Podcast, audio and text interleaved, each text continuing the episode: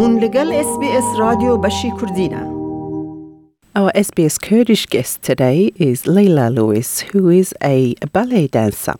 Leila, we have had you on our program previously, but just to remind our uh, audience, um, when and how did you start uh, dancing?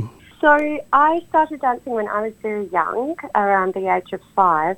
and I've been dancing throughout my life, um, but at university I did it more as um, dance club outside of university academic studies. Um, however, I came back to it for my master's in dance studies at Auckland University at the age of 21 and then graduated as a teacher. And since then, I've been a dance teacher and a primary school teacher. Um, but it's really during the past three years, and yeah, especially during the pandemic, that I feel that a lot of uh, adults are returning to ballet, and a lot of people who before had discounted ballet as a hobby or a pursuit are starting to realize that it's such a beautiful, elegant, strengthening practice and be a little less frightened of it as well by the Zoom classes. Uh, so, of course, uh, we know due to the pandemic, the arts in general have suffered a lot, and uh, artists uh, have been uh, seeking, I guess, different ways of expressing their art. And uh, in your case, your dance. And we know theatres are closed, you know, mm-hmm. gatherings are banned for most of the, the last couple of years. Um, how have you managed to keep your work going, keep your students um, attached? To ballet and dancing? Yeah, that's a very interesting question that you posit there, actually. It hasn't always been easy. Certainly in the dance uh, profession, sorry, there have been a lot of things that have got in the way of performances. So first of all, people can't travel and tour on performance like even Leila Bederkhan used to be able to do um, for the Ballet Russe. That is all suspended because of borders, closed borders. Um, and then there's obviously in Australia we haven't been able to perform in quite some time, um, especially in Melbourne. I know that you've had a few periods of respite in Sydney where you've had been able to have theatre performances. And in Melbourne it's been very disruptive in terms of uh, getting continuity in people's ballet classes face to face. So really what we've done, Rosa, is from since the beginning of the pandemic, I took all of my ballet classes online as well as in the studio when we were able to go into the studio. So I had the Zoom running for people who wanted to join on Zoom, and then I had my clients in class, and generally it was about four or five due to restrictions anyway. And then through all the successive lockdowns, we've had periods where we're just Zooming, which is what we're doing at the moment. And I've had just such a lovely core group of dancers come along, but also people come along for drop-in ballet classes to sample and to try. When they need a boost, I think there are instances during this pandemic where it can feel very isolating and you can feel very clouded by it all.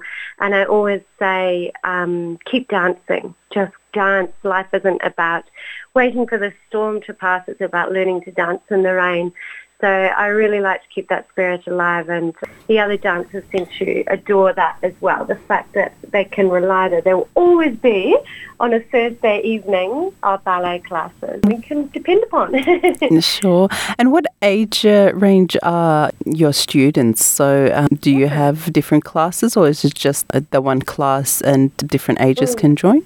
So previously when we were doing more face-to-face, I had more classes and more age differentiated. So I taught toddlers, babies, and I also taught adult classes for beginners and open level, so for more advanced and more experienced. Um, but because I think people are finding it difficult to um, commit like they used to with all the uncertainties. I've channeled it all into a one Thursday class at 6 p.m. AST and that one is called Ballet Tune. And I do have teenagers come to that class. So I have a few teens. Um, I have one 11-year-old.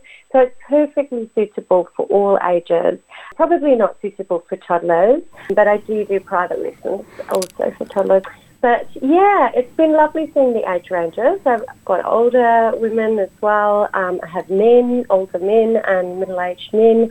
It's really open to everyone. And the beauty of Zoom, of course, is that you don't feel so exposed. And some of my clients say that that they can access and benefit from ballet practice without feeling uh, intimidated by a ballet studio, if you like. Not that they should feel intimidated by that, but I do understand that people do.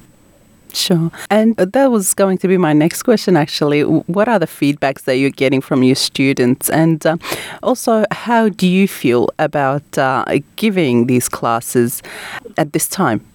I feel wonderful about giving these classes at this time. I think it's a bright and unifying thing for us to do to dance together. And obviously, as a Kurdish woman, we have in our very blood, you know, gathering and dancing together. And while we can't do that face to face, we can feel um, the same joy, or at least partly the same joy, just from gathering online and sharing that experience. And I always make a playlist um, that goes to a theme and is very upbeat. So we like to share music together.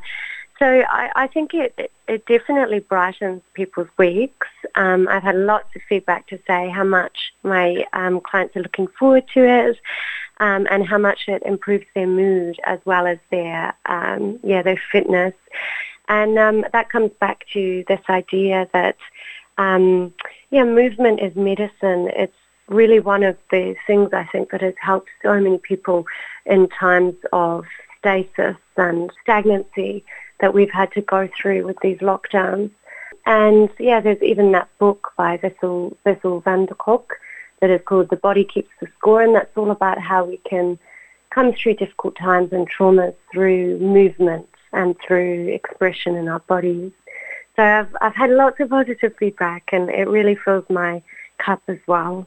You mentioned that uh, you have uh, people from a range of uh, kind of uh, age group, but what about the abilities? Is it uh, something easy for anybody can have a go? Uh, are there you know people that think, oh gosh, I cannot ever move like that, for example?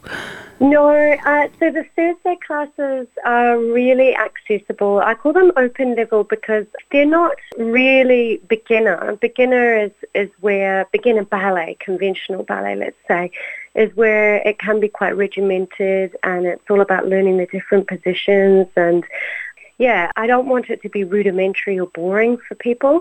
So it's more an open lesson where I teach the fundamentals of posture, of alignment of the body, of how we hold our bodies, our arms, but I also teach variations and adages that are very exciting and slightly contemporary. So at the moment we're working on one based on Alonzo King LINES Ballet Scheherazade. So we all know Scheherazade in the Middle East, but this is a contemporary version ballet. So it, it's quite easy. It's very slow. I like to slow things down and do them at half the pace, the tempo, and then speed it up. And they've had great feedback about that as well. That um, you know, I really break it down. I send the adage often as a video to my clients afterwards, should they want to practice in their own time. And I think it helps to have that follow through, so that you know, if they want to done every single day, not just the Thursday. They can use those videos too. So I guess uh, people can join anytime, right? Uh, they don't have it, it's not like a course. No, so it's it's drop in. You pay when you join. So uh, every lesson is accessible as if you've never been to a lesson before.